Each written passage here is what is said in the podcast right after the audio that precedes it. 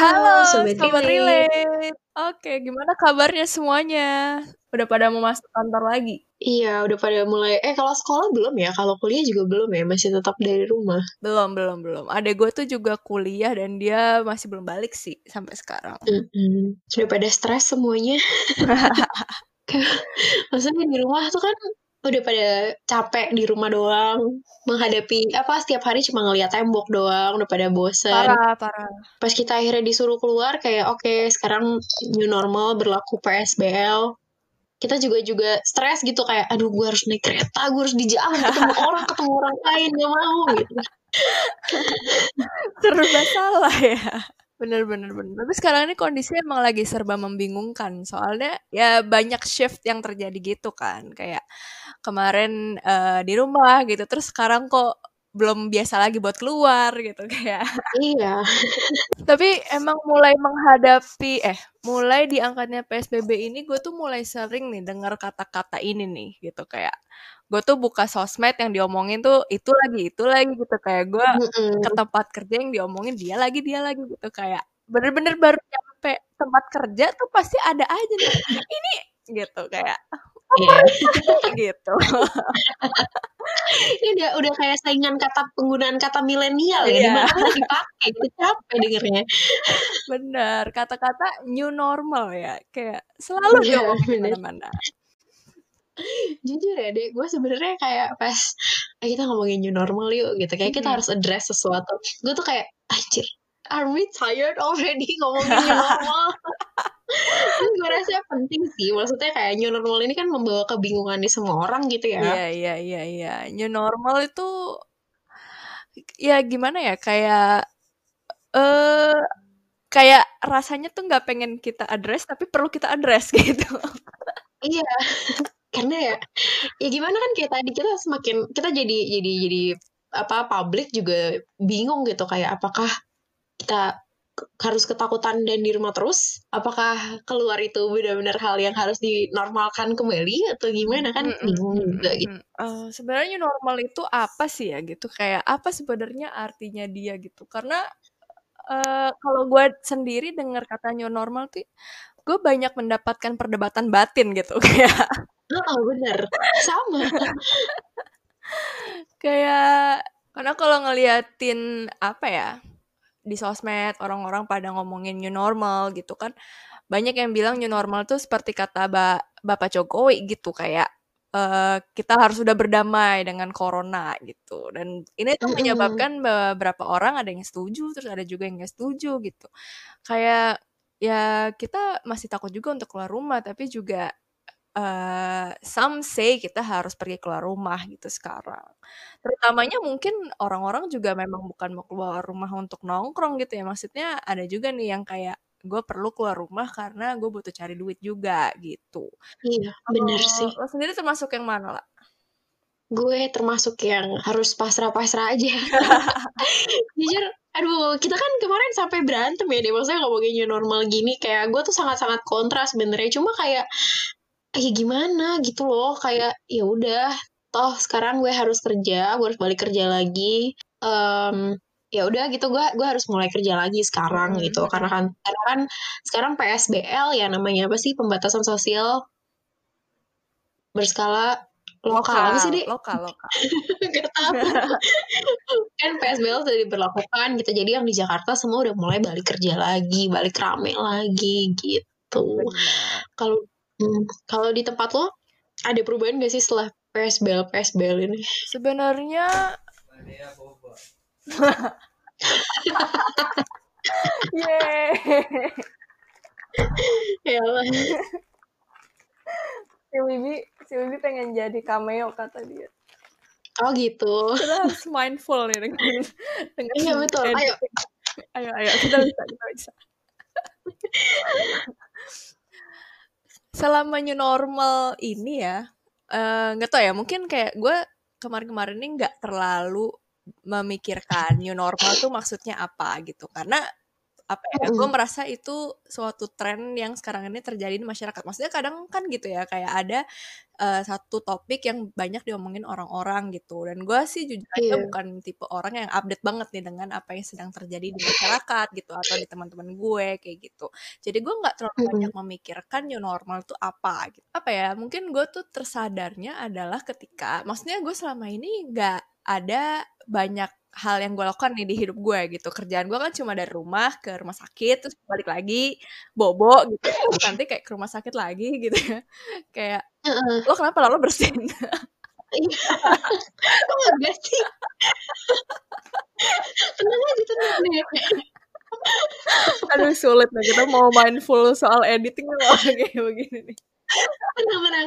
Pokoknya kalau misalkan dari lo, lo lagi nggak ngomong nih, terus lo ada noise, oh itu nggak itu apa-apa. nggak masuk ya ih keren juga Nggak masalah. keren eh, tadi gue lagi ngomongin apa ya Nggak terlalu memikirkan. Oh iya benar benar benar. Tapi gue nih kayaknya mulai agak sadar ketika kayak gue kemarin uh, simple nih gue pergi keluar rumah buat pergi ke bank. Gue tuh mau uh, mau print rekening koran lah gitu.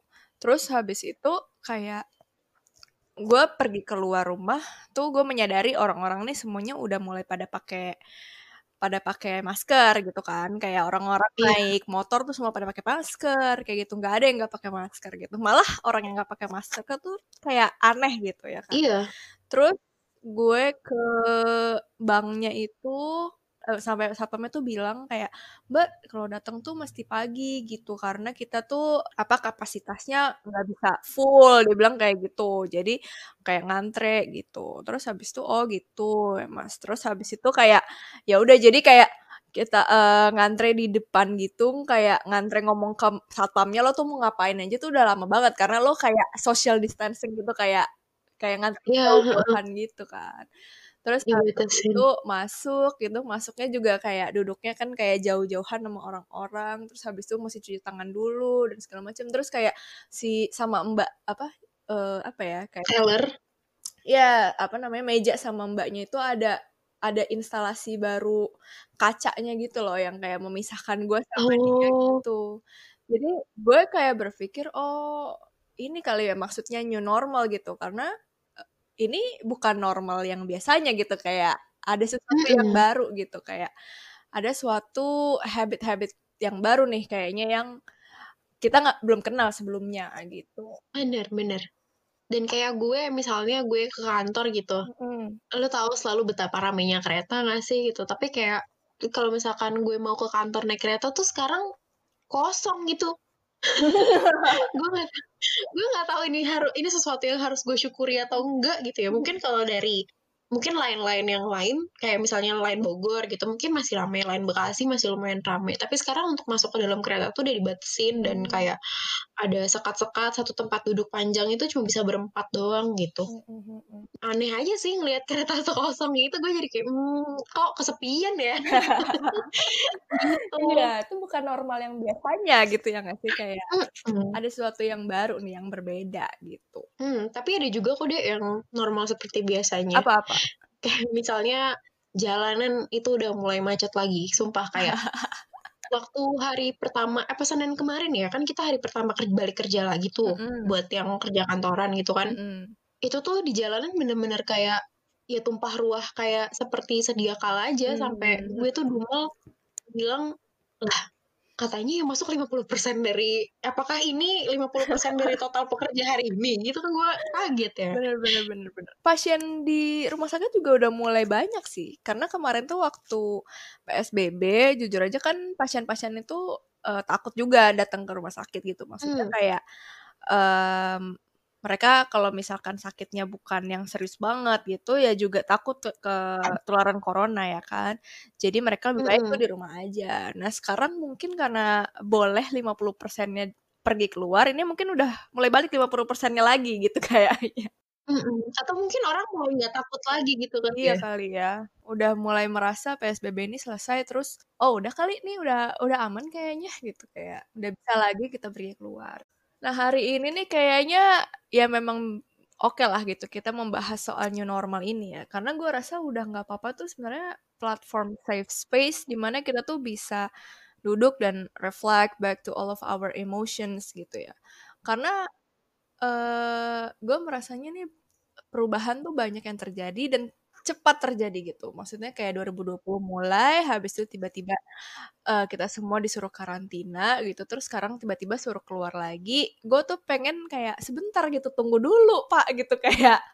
Kenapa nggak dikasih proses gitu? Kita iya. ada waktu gitu kan. Bener, Maksudnya kemarin itu memang saatnya emergency measure gitu. Gue sendiri bilang kayak kita sekarang ini lagi emergency measure gitu. Uh, mungkin beberapa hal tuh nggak bisa ideal, nggak bisa nyaman gitu. Tapi gue juga menyadari perubahan-perubahan seperti ini tuh uh, berpengaruh juga ke apa ya ke mental state kita gitu kayak gimana kita berpikir dan gimana kita kayak beradaptasi dengan apa yang sedang terjadi sekarang gitu gue kayak hmm. ada ada ada baiknya lah kita memang duduk terus kayak berhenti dulu ini gimana sih gitu apa sih yang sedang terjadi dan kayak kita tuh merasa apa sih soal ini gitu. Nah, karena ini safe space ya, mm-hmm. gue boleh curhat gak? Boleh lah.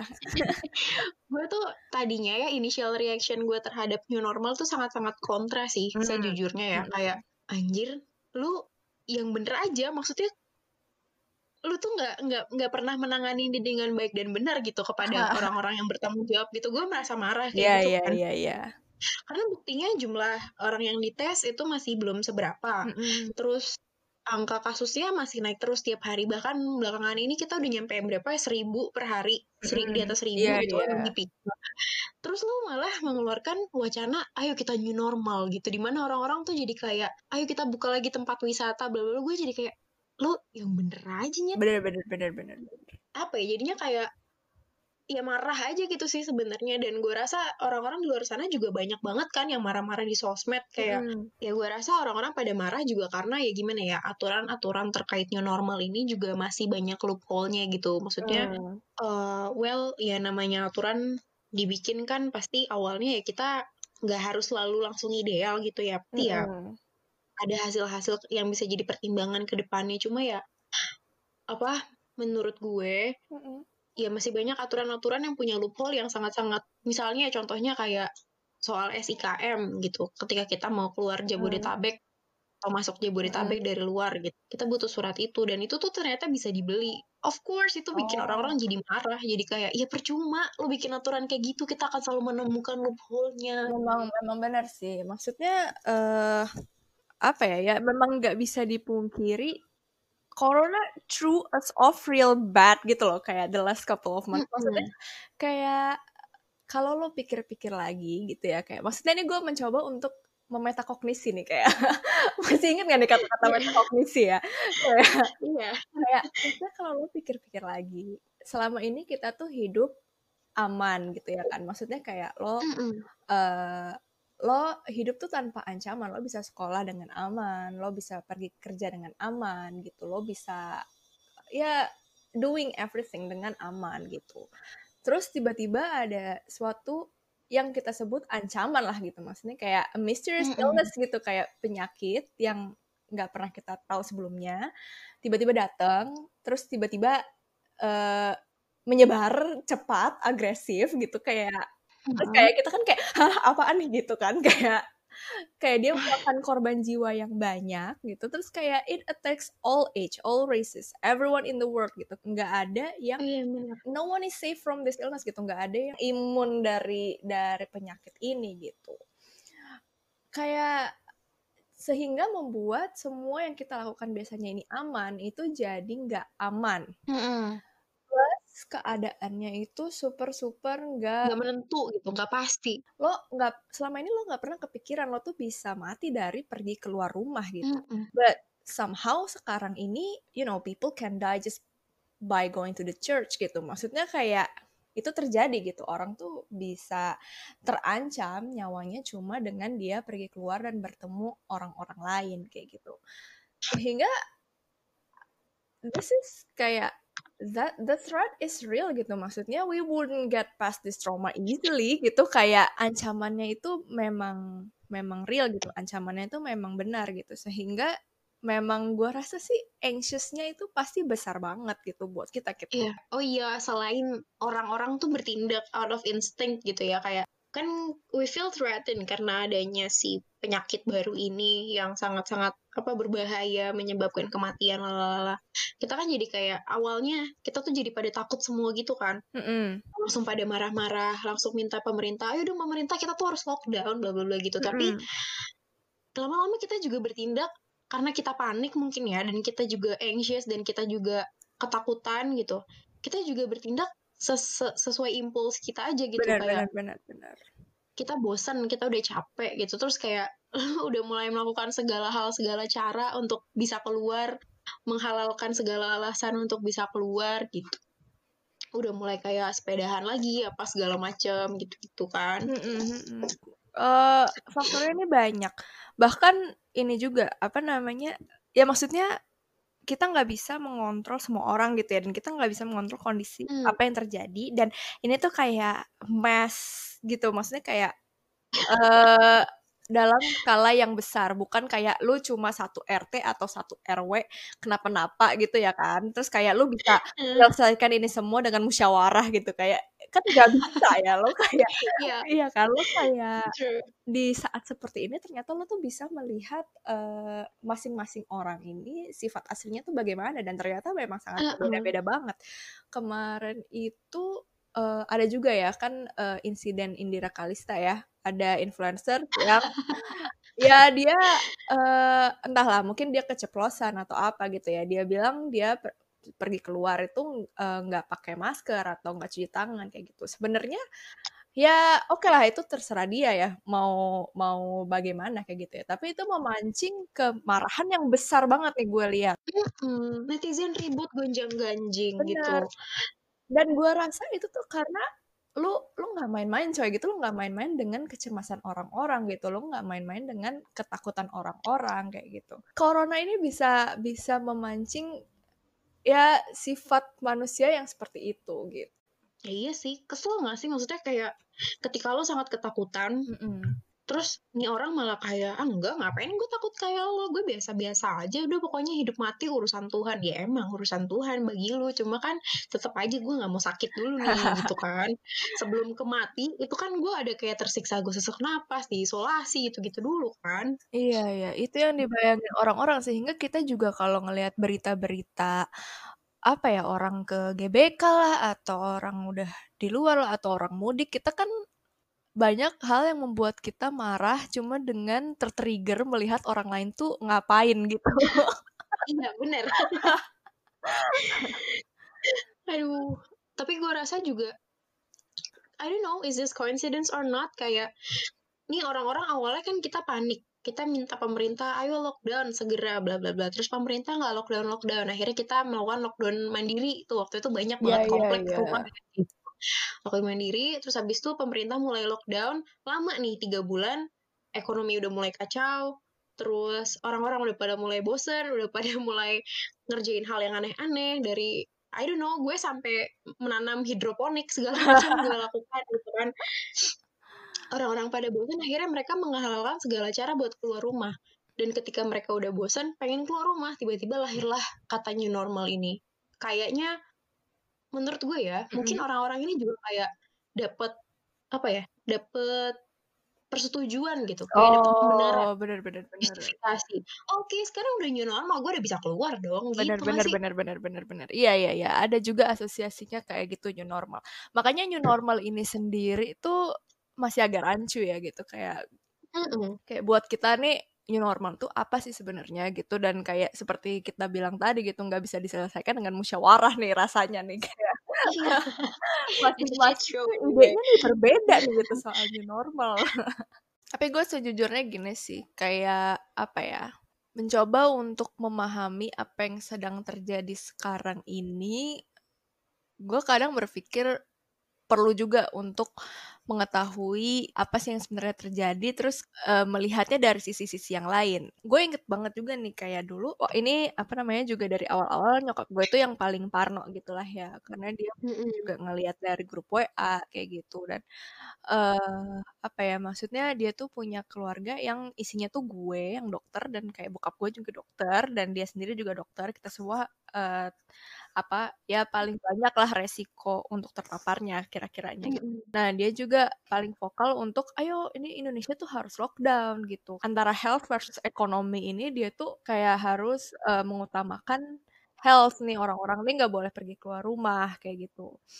PSBB ini nggak bisa diangkat karena dia bilang kayak, duh, padahal kesehatan itu lebih berharga loh daripada uang gitu. Uang kan bisa dicari. Nah, di sini gue tuh bisa mengerti gitu kalau untuk beberapa orang melihat permasalahan ini tuh seperti health versus ekonomi gitu. Disuruh milih antara sehat sama duit gitu. Yang rasanya pasti untuk beberapa orang ya pasti kayak nyokap gue gitu kayak iya kayak iya benar kesehatan yang lebih berharga daripada uang gitu ya tapi yang nggak bisa bohong sih maksudnya it's just so comfortable to think ya kesehatan akan selalu lebih diutamakan daripada uang tapi pada kenyataannya some people just have to uh, memberi makan keluarganya sehari-hari atau memberi makan dirinya sendiri sehari-hari gitu kan yang mana dengan adanya si pandi eh, dengan adanya si lockdown dan adanya si corona ini ya dia nggak bisa lagi keluar dan cari makan kayak biasanya gitu kan. Nah di saat itu gue tuh mencari tahu sedikit gitu ya dan gue agak sedikit tercerahkan nih dengan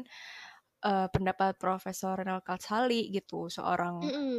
besar di FEUI ya pengetahuan gue soal ekonomi sih sebenarnya sedikit gitu cuma dari gue yang awam ini gitu gue menangkapnya adalah seberapa besar sih damage-nya dengan kita tuh nggak pergi keluar sedikit aja gitu loh. Maksudnya apakah kita semua mati gitu kalau ketika ekonomi ini berhenti gitu loh. Kayak kita nggak sih iya, kayak hmm. ya kan pasti jelas kita lebih mati dari si corona dong iya. gitu. Kalau berkaca dari apa sih damage-nya kepada ekonomi, kegiatan ekonomi itu kalau misalnya kita dulu baca ya di buku-buku SMA ya kan buku-buku pelajaran SMA, buku-buku pelajaran SMP gitu. Ekonomi iya. itu adalah konsepnya adalah supply dan demand gitu. Kayak ada yang mm -hmm. jualan dan dia ada yang beli gitu ya. Ketika Benar salah satu dari komponen itu ada yang terganggu gitu uh, terganggu juga lah kegiatan ekonomi itu gitu hmm. supply dan demand itu mempengaruhi apa sih gitu mereka tuh mempengaruhi value jadi uh, gampangnya setiap barang atau jasa tuh punya nilai atau value. Nah value dari setiap barang itu nggak tetap jadi dia tuh mereka bisa berubah-ubah. Yang uh, yang gampangnya lagi yang bisa kita lihat si masker lah ya. Hmm pasti orang yang jualan masker itu si supplier itu pasti ngitung lah gue tuh buat masker ini untuk berapa orang sih? Siapa sih yang beli masker gue paling dokter paling pasien gitu. Terus dia hitung misalkan yang butuh masker ini paling 100 orang contohnya ya. Tapi hmm. terus tiba-tiba ada corona yang butuh masker ini 10.000 orang gitu. Pastinya orang yang 10.000 ini jadi berebut masker lu yang 100 itu ya kan? Hmm. sehingga masker lo yang tadi misalkan harganya cuma 5000 mungkin, terus 10.000 orang ini pasti akan kayak, "Eh enggak, gue mau beli masker itu gitu, bodoh amat harganya berapa," gitu. Hmm. Sehingga melambunglah harga masker ya kan. Hmm, kayak iya, yang kemarin, selama ini harga masker kan nggak sampai berapa banyak gitu, tapi kemarin tuh kita lihat sendiri dia bisa harga sampai 500 ribu bahkan ya kan. Iya, benar. Yang yang nggak masuk akal buat kita, tapi ternyata ada ada perubahan pada ekonomi yang nyata yang itu karena terganggunya supply dan demand itu. Bentar, bentar, gue gue gue simpulkan ya, dulu ya. ya.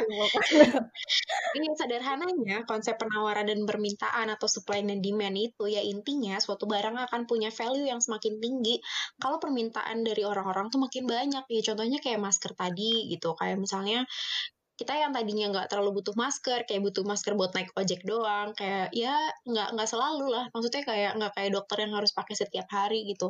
Tadinya ya harganya segitu segitu aja tapi jadi mahal ketika orang itu banyak yang butuh gitu. Ya benar ya benar benar kita juga lihat di corona ini di sektor travel. Benar benar banget. Ketika orang corona emangnya lu mau pergi mau pergi-pergi gitu? Kan enggak ya jadi mm -hmm. kan. Benar. Mm -hmm. dan kayak misalkan lu menjadi seorang pengusaha travel gitu ya, lu buka hotel gitu ya. Lu punya kapasitas nih misalkan lu punya hotel, lu punya kapasitas untuk uh, menampung misalkan ya 100 orang seperti tadi lagi ya. 100 orang. Terus untuk 100 orang ini lu tuh udah harus membayar ya gedungnya gitu, sewa gedungnya, tanahnya gitu. Terus habis itu iya. listrik, yeah. air, terus uh, makanan, biaya pegawai gitu ya.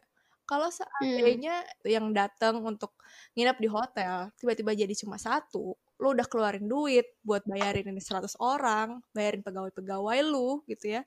Tiba-tiba cuma satu ya pastinya bangkrut dong ya. Iya. Banyak yang terjadi ketika supply dan demand ini komponennya terganggu gitu. Ini bisa dilihat sih kayak di teman-teman gue gitu. Misalnya teman-teman gue kan banyak yang bikin IO atau vendor-vendor gue gitu kan gue Hmm. kerja berdekatan dengan orang-orang itu ya orang-orang event organizer, Hmm. orang-orang yang eh, travel agent gitu-gitu. Hmm. Ketika corona ya orang nggak apa ya sesederhana nggak lagi memikirkan mau bikin event di luar juga nggak bisa, lu mau Hmm. jalan-jalan juga nggak memungkinkan karena ya lo takut gitu. Jadi sesederhana nggak ada lagi aja orang-orang yang memikirkan itu, menginginkan hal itu ya ya bangkrut Iya, gitu kan langsung simpelnya. langsung dia nggak berjalan dan ketika nggak berjalan nggak Mm-mm. ada pemasukan yang berputar gitu. Mm-mm. Sementara dia harus tetap bayar untuk operasional tadi supaya apa perusahaannya tetap bisa jalan terus gitu kan. Benar, benar, benar. Kalau misalkan ngomongin krisis-krisis ekonomi sebelum ini gitu ya, yang gue tahu gitu ya, di tahun 1929 atau di tahun 2008 yang banyak terkena itu pada perusahaan-perusahaan besar gitu. Nah, kalau perusahaan besar itu kurang lebih ya seperti eh, apa ya, gambarannya tuh kurang lebih seperti sektor travel yang kita ngomongin tadi gitu. Lo eh, lo tetap pastinya butuh pemasukan untuk bisa terus berjalan gitu. Sehingga ketika demand-nya itu turun banget gitu, eh, mereka berhenti masuk kayak gitu, kayak lo nggak punya uang lagi dan ketika lo punya perusahaan, lo tuh bukan kayak membayarkan pegawai-pegawai lu gitu kan tujuannya bukan itu gitu kan sehingga Iya. sehingga ketika lu nggak bisa lagi membayar pastinya akan terjadi juga PHK kayak gitu Mm-mm. lo akan sih. uh-uh, lo akan har- uh, perusahaan itu harus mulai apa ya menghemat uangnya juga gitu oh gue nih harus mengalokasikan uang yang gue punya ini ke mana gitu. Modal yang gue punya ini seberapa yang dia dapat dari jualan berapa pastinya orang-orang sekarang ini uh, menderita banyak dari soal itu. Karena misalkan lu tadinya biasanya jualan di uh, restoran tapi sekarang ini orang-orang nggak bisa datang ke restoran lu untuk makan. Sehingga lu harus putar otak lagi oke mungkin gue harus delivery. Tapi untuk delivery ini pun kayak ah, mungkin yang beli jadinya lebih sedikit atau mungkin beberapa operasion berapa biaya operasional itu ada yang berbeda sehingga harus ada adjustment yang dilakukan gitu. Ditambah lagi untuk keadaan sekarang ini karena dia nggak hanya ke sektor besar gitu uh, damage-nya yang gue lihat juga ya. Mm-mm, tapi juga ke sektor-sektor yang menengah bahkan ke semua orang gitu secara merata ya nggak sih? Benar, bahkan seluruh dunia. Maksudnya ini pertama kali di terlihat loh maksudnya kayak untuk yang krisis ekonomi sebelumnya ya, bahkan uh, untuk negara-negara yang mereka tuh secara finansial sistemnya itu kuat di tahun 2008 itu nggak terpengaruh. Tapi kalau mm-hmm. sekarang ini, nah Indonesia itu sektor penggerak ekonominya ini banyak dari UMKM loh. Dan UMKM itu nggak terpengaruh. Maksudnya tukang jualan sate, tukang tarik ojek gitu, atau kayak mbok jamu, mm-hmm. ya mereka nggak urusan lah dengan orang-orang perusahaan besar yang kayak tadi gue bilang kayak mesti mesti bayar pegawai atau bayar gedung segala macam dia nggak urusan ya kan Hmm, kalau lo mau bilang kayak gitu, perusahaan-perusahaan kayak Gojek gitu-gitu kan mereka juga tetap harus bayar. Maksudnya gini, mungkin lo lebih kayak ke perusahaan-perusahaan besar multinasional gitu yang kena benar-benar kena, tapi UMKM itu nggak terlalu berpengaruh. Oh, iya, iya, iya. Sedangkan di corona ini itu semuanya kena bahkan sampai ke UMKM yang mana merupakan salah satu penggerak ekonomi Indonesia gitu. Oh iya, benar-benar.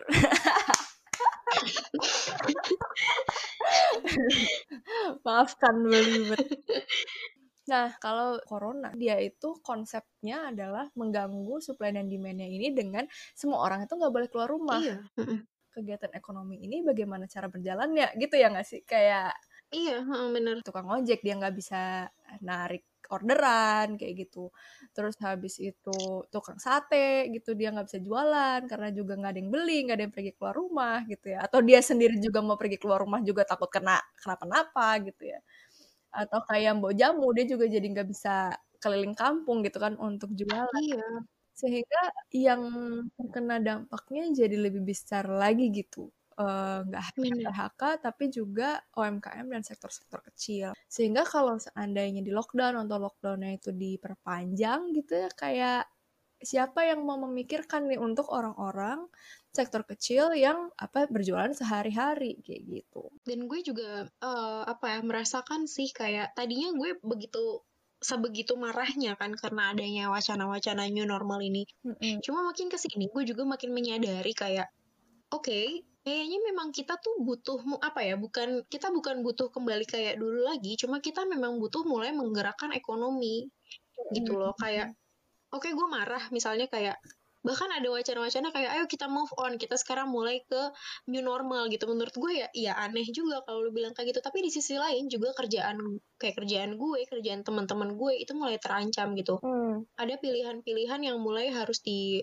uh, pertimbangkan sama bos-bos kita sama atasan-atasan kita yang mengakibatkan banyak teman-teman gue yang akhirnya di lay off hmm. even orang-orang yang sudah lama kerja di perusahaan itu juga bisa di lay off karena pertimbangan tadi mau gimana pun harus tetap pilih antara ya perusahaan ini harus tetap jalan gimana caranya supaya kita masih tetap ada tempat dapat klien baru gitulah misalnya mm-hmm. segala hal tuh kayak memang harus kembali normal gitu loh bahkan gue perjalanan ke kantor kan gue pakai ojol ya mm-hmm. hampir ada dong 80 persennya semuanya itu kayak duh mbak untung ya ini tuh udah mulai bergerak lagi orang-orang udah pa udah pada mulai uh, naik ojol lagi gitu. Karena kalau enggak saya tuh dari kemarin udah tiga bulan bingung mau makan apa ngasih makan apa ke keluarga. Karena ya dari GrabFood aja tuh nggak cukup. Karena orang-orang tetap apa ya masih pada takut gitu loh yeah, buat yeah, beli yeah, makan di iya, luar yeah, gitu kan. bener, bener. kayak ternyata dampaknya nggak semudah itu gitu. Kayak kita uh, apa namanya lebih uang tuh bisa dicari. Kayak kesehatan tuh lebih penting. Ternyata apa ya menurut gue justru ini tuh intertwined gitu bukan kayak lu antara health versus ekonomi tapi juga sebenarnya itu kembali lagi kepada kita memikirkan masyarakat juga. Dan kalaupun lu tuh juga apa ya mungkin lo tipe yang masih tinggal bersama orang tua lo masih hidupnya nyaman lo masih punya tabungan istilahnya gitu. Kayak makanan masih ada gue nggak terdampak mana apa namanya dampak ekonominya nggak ada gitu. Gue masih tetap bisa belanja di shopee semua masih masih terjadi masih sama sebenarnya untuk kehidupan gue nggak ada yang berubah gue sih pengen apa ya mohon kayak jangan ignoran ignoran amat gitu kali ya karena kayak hmm. karena kayak sebenarnya dampak ekonominya itu besar gitu uh, krisis seperti hmm. ini tuh lebih besar bahkan dari krisis-krisis ekonomi yang sudah terlihat sebelumnya gitu Iya sih, menyambung apa yang lagi panas juga di sosial media, kita lagi sering banget ngomongin privilege. Please lah kalau misalkan kalian itu merasa ah enggak juga. Ah gue nggak merasa gitu. Kerjaan gue aman-aman aja. Gue tetap masuk kantor ketemu teman-teman. Sekarang gue bisa balik nge mall lagi loh gini-gini. Mm-hmm. coba jangan ya gue tahu lo sudah merasa nyaman dengan itu. Cuma di luar sana itu ada orang-orang yang tidak memiliki privilege untuk merasa aman seperti lu. Ada orang-orang yang apa ya uh, setiap hari tuh harus mikir ini gue dapat uang dari mana hari ini? Ada juga yang bulan depan gue masih bakal kerja nggak ya di sini? Apakah gue harus mulai pindah kerja? Ada orang-orang yang udah mulai mikir kayak gitu. gitu. Benar. Tapi juga kembali lagi sebenarnya memang opini semua orang tuh nggak bisa selalu sama gitu ya. Maksudnya kalau kata nyokap gue tadi juga dia bilang kesehatan lebih ini daripada ekonomi atau yang segala macam ya gue juga nggak merasa dia salah atau gimana. Karena kalau nggak nggak salah juga gitu. karena kalau dalam perspektif nyokap gue gitu dia kan kayak ingin memproteksi keluarganya dan apalagi dia tuh backgroundnya medis. Mungkin dia punya apa ya banyak kehilangan teman sejawatnya juga gitu. Kalau seandainya pasien itu tambah banyak, just uh, tentunya banyak juga resiko-resiko yang diambil seperti itu sehingga dia mengatakan itu juga dengan perspektif yang benar. Dan di sisi lain juga seperti yang kita udah omongin lagi soal ekonomi, ternyata dampaknya itu besar gitu, nggak nggak seperti yang mungkin kita selama ini nggak sadari karena kita hidupnya masih belum terdampak gitu. Bener. Gue rasa di satu sisi ada baiknya juga kita malah justru mengerti dengan apa yang terjadi gitu. Kita nggak mencoba untuk bilang kalau oh new, new normal nih benar, new normal ini perlu gitu. sementara kita harus mengesampingkan aspek kesehatan yang gak kayak gitu menurut gue personally juga ya dua hal ini harus berjalan beriringan sih dan gue rasa sebenarnya sesungguhnya bisa gitu. Kita tetap memperhatikan safety measurement tapi juga kita harus menggerakkan kembali ekonomi kita. Karena kalau enggak ya well some people are gonna die from this. Kayak beneran apa dampak terhadap ekonomi rumah tangga, dampak terhadap beberapa orang, kayak misalnya orang jadi di PHK, apa segala macam, itu tuh bener-bener sama gitu. Ini tuh juga life sama-sama life threatening gitu, mengancam kehidupan orang juga gitu sih. Hmm. Jadi ya kalau misalnya kayak nyokapnya dia bilang ya kesehatan itu lebih penting karena uang bisa dicari betul Mm-mm. gue juga tidak menyalahkan gitu karena ya mau gimana pun juga coronavirus is real Mm-mm. ini mem- telah membunuh sebagian banyak orang dan jangan sampai kita lupa kalau ini tuh apa ya ini juga udah mengakibatkan banyak orang kehilangan dan nyawanya terancam gitu Benar. sih jadi gue rasa dua-duanya sama-sama penting untuk kita pikirkan gitu Benar. Eh, sebenarnya gue dan Lala tuh nggak ingin apa ya berada di tengah-tengah perdebatan ini gitu ya sebenarnya. benar Berada di tengah-tengah health versus ekonomi lah atau apa atau polemiknya new normal lah atau apa. Tapi gue rasa yang gue eh, apa ya yang gue amati adalah sosialisasi dari new normal itu sendiri masih rancu gitu untuk menyadarkan semua masyarakat Indonesia terutamanya. Karena Hmm. sebenarnya ini eh, jenjang yang perlu banget gitu, face yang perlu banget. Eh, kita tuh secara sadar mengetahui sedang apa apa yang sedang terjadi dan bagaimana kita menyikapinya. Kalau untuk definisi new normal sendiri gitu ya, kita ambil dari Kementerian Koordinator Bidang Perekonomian Republik Indonesia. New normal itu adalah tujuannya supaya masyarakat bisa kembali produktif. Tapi dengan tambahan corona ini is here to stay gitu. Bukannya corona ini udahan nggak ada gitu. Gimana sih Mbak ngomongnya? Karena tuh pada akhirnya ketika kita deal dengan suatu virus baru, ya toh kita akan hidup dengan virus itu kan. Mm-mm. Cuma yang jadi masalah di sini adalah coronavirus ini menjadi sesuatu yang benar-benar global pandemic dan gede banget gitu angkanya. So nggak bisa kayak, oh ya udah ini bentar lagi berakhir kok. Sementara di saat yang sama angka kasusnya semakin tinggi gitu ya nggak bisa gitu. Benar. Tapi juga kembali lagi sebenarnya memang opini semua orang tuh nggak bisa selalu sama gitu ya. Maksudnya kalau kata nyokap gue tadi juga dia bilang kesehatan lebih ini daripada ekonomi atau yang segala macam ya gue juga nggak merasa dia salah atau gimana. Karena kalau Nggak nggak salah juga gitu. karena kalau dalam perspektif nyokap gue gitu dia kan kayak ingin memproteksi keluarganya dan apalagi dia tuh backgroundnya medis mungkin dia punya apa ya banyak kehilangan teman sejawatnya juga gitu. Kalau seandainya pasien itu tambah banyak just eh, tentunya banyak juga resiko-resiko yang diambil seperti itu. Sehingga dia mengatakan itu juga dengan perspektif yang benar. Dan di sisi lain juga seperti yang kita udah omongin lagi soal ekonomi ternyata dampaknya itu besar gitu. Nggak nggak seperti yang mungkin kita selama ini nggak sadari karena kita hidupnya masih belum terdampak gitu Bener. gua rasa di satu sisi ada baiknya juga kita malah justru mengerti dengan apa yang terjadi gitu kita nggak mencoba untuk bilang kalau oh new, new normal nih benar, new normal ini perlu gitu. Sementara kita harus mengesampingkan aspek kesehatan yang gak kayak gitu. Menurut gue personally juga ya dua hal ini harus berjalan beriringan sih dan gue rasa sebenarnya sesungguhnya bisa gitu. Kita tetap memperhatikan safety measurement tapi juga kita harus menggerakkan kembali ekonomi kita. Karena kalau enggak ya well some people are gonna die from this. Kayak beneran apa dampak terhadap ekonomi rumah tangga, dampak terhadap beberapa orang, kayak misalnya orang jadi di PHK, apa segala macam, itu tuh bener-bener sama gitu. Ini tuh juga life sama-sama life threatening gitu, mengancam kehidupan orang juga gitu sih.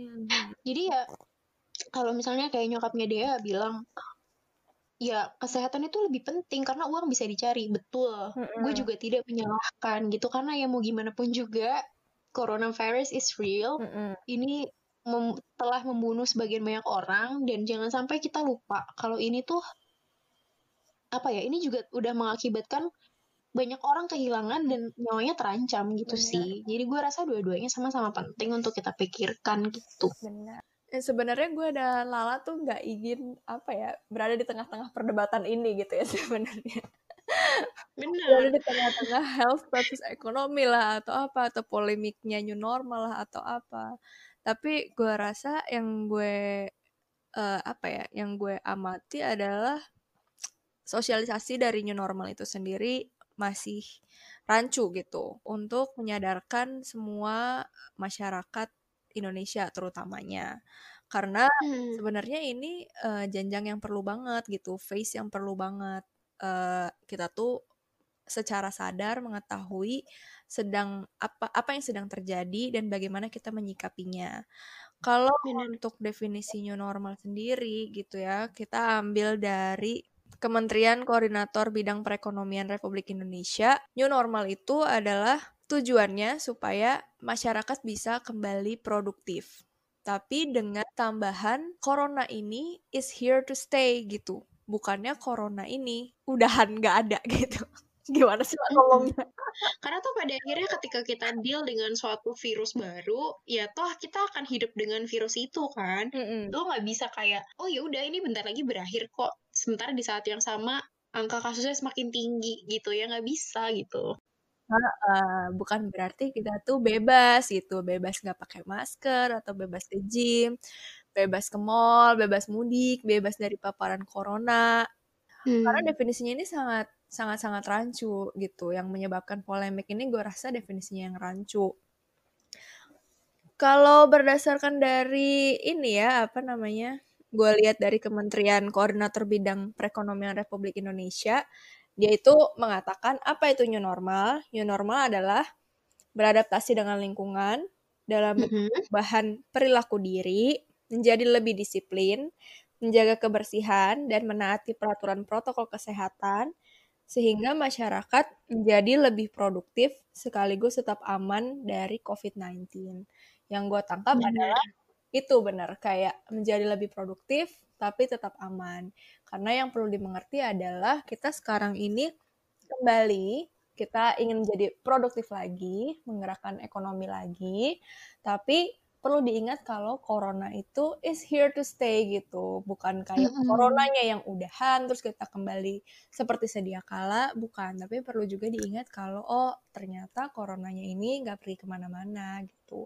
Iya, bener sih. Eh, gue juga pengen mengajak untuk sobat relate semua kayak oke, segala hal di luar sana itu sedang sangat membingungkan, tapi kita kayak yuk jangan fokus ke apa yang orang lain lakukan atau apa yang sedang jadi gonjang-ganjing di luar gitu. Kayak misalnya soal aturan yang nggak bener ini itunya nggak bener gitu. Coba kita fokus mikirin apa sih yang bisa kita lakukan sekarang gitu. Kayak gue rasa kita bisa mulai dari Mm-mm. situ. Kayak yang pertama coba deh sadari kalau new normal ini adalah ya normal yang baru gitu. Ini tuh bukan suatu normal yang lama. Lo nggak bisa hidup seperti dulu lagi tapi lo bisa hidup normal tetap bekerja tetap melaksanakan kewajiban lo tapi dengan tetap memperhatikan ya safety measurement gitu. Kayak lo harus tetap rajin cuci tangan lo harus tetap eh, minum vitamin menjaga kesehatan gitu-gitu Ya maksud gue, ayolah kita mengontrol hal-hal yang bisa kita kontrol dulu gitu. Kayak misalnya gini, sekarang pusat perbelanjaan udah mulai pada dibuka gitu. Mm-mm. Itu kan ada dampak positifnya gitu terhadap ekonomi kayak ketika mall udah buka orang-orang pada mulai beli, udah mulai ada demand atas barang-barang lagi gitu. Berarti kan ekonomi akan jalan. Orang-orang yang kerja di mall, ya salah satunya pacar gue, pacar gue kan kerjanya di mall tuh. Nah Oh. kalau mall tutup terus, gue juga worry. Ntar kalau misalkan dia di PHK gimana? Karena nggak buka-buka mallnya, nggak ada income gitu Iya. kan. Nah, dengan dibukanya mall ini ya, otomatis orang-orang yang kerja di mall juga balik kerja lagi, ada pemasukan lagi gitu kan. Mm-mm. Tapi ya, dengan dibukanya mall bukan berarti kita sebagai masyarakat harus dinikmatin ke mall saat ini juga ya nggak juga ya, ya bebas gitu. Kita bisa kayak oke ya nanti aja. Gue masih takut nih sekarang. Gue mau jaga kesehatan jaga diri dulu. Jangan bersentuhan sama orang umum dulu gitu misalnya. Kan kita bisa melakukan itu gitu. Benar, benar, benar. Gue rasa memang udah ada dibantu ya dengan uh, banyaknya fasilitas, dengan banyaknya peraturan yang dicoba untuk dibangun dan diregulasi gitu dari berbagai banyak pihak. Seperti mungkin contohnya uh, bank gue tadi gitu ya, uh, yang berusaha untuk menerapkan protokol-protokol kesehatannya nih supaya kita semua nih masih tetap aman. Gue rasa ada bagusnya juga kalau misalkan kita masing-masing itu menyadari aja gitu. Kalau new normal ini uh, tetap kembali kepada kita masing-masing, disiplin kita masing-masing dan tetap ke, ke apa ya kesadaran diri kita masing-masing bahwa kita masih perlu nih untuk menerapkan social distancing, pakai masker dan cuci tangan yang perlu untuk uh, mencegah kita ini terkena dari virus ini seperti itu. Mm Gue dan Lala uh, membahas hal ini di sini mungkin karena kita sayang banget sih sama sobat relate kita gitu. Iya benar. Nggak mau banget kalau misalkan kalian ini terkena kenapa-napa just because we're being being especially ignorant on this particular topic gitu. Kayak mm -mm. kita boleh capek dengan corona, kita boleh capek dengan apa yang sekarang ini terjadi, kita boleh capek sama WFH, kita boleh capek sama semua orang-orang ini yang menurut kita nggak masuk akal lah gitu ngurusin corona ini kok nggak ada yang becus atau nggak ada yang benar. Boleh gitu tapi aku harap kita masing-masing ya sadar diri juga dengan apa yang perlu kita lakukan sekarang ini gitu. Benar. Kadang di antara kita juga tetap ada yang ngerasa ah ribet banget sih nih harus segala cek suhu dulu harus segala cuci tangan dulu apa segala macam. Mm. gue sih mikirnya kayak aduh kenapa sih? Maksudnya ini semua tuh pada akhirnya toh demi kebaikan kita juga. Segala safety measurement segala hal-hal yang dilakukan segala kebijakan yang terkait dengan supaya kita tuh lebih menjaga kesehatan dan menjaga kebersihan itu buat diri kita sendiri juga loh pada akhirnya. Ketika nanti kita sakit ya yang sakit kan kita juga walaupun yang repot juga banyak orang tapi yang sakit kan kita gitu. Jadi sebisa mungkin ya kita hindarilah hal-hal kayak gitu. Benar banget. Tapi gue juga ini sih maksudnya gue bisa memaklumi kenapa orang-orang pada bingung gitu. Indonesia itu kan isinya orang-orangnya sangat-sangat Indonesia itu kan luas banget ya. Benar benar benar benar benar. Kita hampir hampir seukuran Rusia gitu kayak bener-bener gede banget gitu negaranya. Mm -mm. beragam juga isinya. Ah uh -uh, bener penduduknya heterogen banget beragam dari kebiasaan tingkat ekonomi caranya ngapa-ngapain itu tuh beda banget. Jadi gue rasa ada perbedaan pengertian atau pemahaman itu ya wajar. Dan kayak ini hal yang memang susah dipahami dan diserap sih sebenarnya. Menyadari kalau corona itu merupakan ancaman aja tuh kayak orang rasanya kayak ah enggak juga orang soalnya kan penyakitnya nggak kelihatan gak sih? Iya iya iya iya. Virus nggak kelihatan gitu kan kayak itu aja mereka anggapnya udah ada yang bilang ah ini nggak nyata gitu. Nggak iya, nggak terlalu worry gitu. benar benar benar. Apalagi ancaman ekonomi yang sistemnya tuh sebegitu ribetnya gitu. Iya. Benar. Nih kita memberitahukan hal ini untuk sebagai bahan pertimbangan kalian aja, untuk kalian pahami. Kalau bisa paham, syukur. gitu, bukan sebagai apa ya kita pengen menambahkan bahan perdebatan lagi gitu ya. Iya. Udah cukup kita berdebatnya, udah. mm -mm. Oke, okay. Ya, lu close dah. Semoga semuanya tetap safe untuk new normal kita yang sekarang ini. Kalau seandainya ada yang pengen kalian omongin, pengen ya masih masih sebenarnya kak aku masih punya banyak perdebatan batin di dalam hati aku gitu ya boleh banget curhat ke udah nggak apa-apa emailnya udah pada tahu belum boleh ke udah gak apa-apa. udah g a p a p a at gmail.com atau ke Instagram kita. Mm-mm, di udah gak apa-apa podcast. Bener. Oh jangan lupa udah gak apa-apa. Bukan ya udah gak apa-apa. Nih orang-orang pada ih kenapa sih? Kenapa? Banyak banget tuh kayak ada teman-teman gue ada yang nanyain gimana kak? Ya udah gak apa-apa. Udah gak apa-apa namanya please oh ternyata mungkin mereka nggak bisa menemukan kita karena nyarinya ya udah gitu ya ya udah iya, namanya udah gak apa-apa benar kalau iya. ya udah hmm. tuh beda lagi karena kita punya beda segmen lagi. segmen baru nih di IG kita Oh benar, iya benar. Jangan lupa pantengin IG kita karena bentar lagi itu kita mau rilis apa namanya ya udah digambar apa sih itu deh ya udah digambar benar yang bukan apa-apa sih, cuma kayak kita pengen kayaknya yang di podcast ini kan dari mendengar gitu ya. Mungkin sekarang kita Mm-mm. bisa dari digambar. Masih kurang Iya, jelas ya, ada visual. gitu. Nanti lihat aja di IG kita ada apaan ya. Iya, uh, bener. Sama, oh ini jangan lupa pantengin IG kita juga di IG Story karena kita next bakal kasih kalian beberapa pilihan topik. Kita nextnya mau ngobrolin apa. Jadi kalian bisa kasih masukan juga kita mau ngobrolin apa gitu, oke? Siap. Gitu. Ya Oke. udah, thank you guys sudah dengerin. Thank you semua sobat relate. Sampai ketemu podcast selanjutnya. Ya, Dadah. stay safe. Dadah.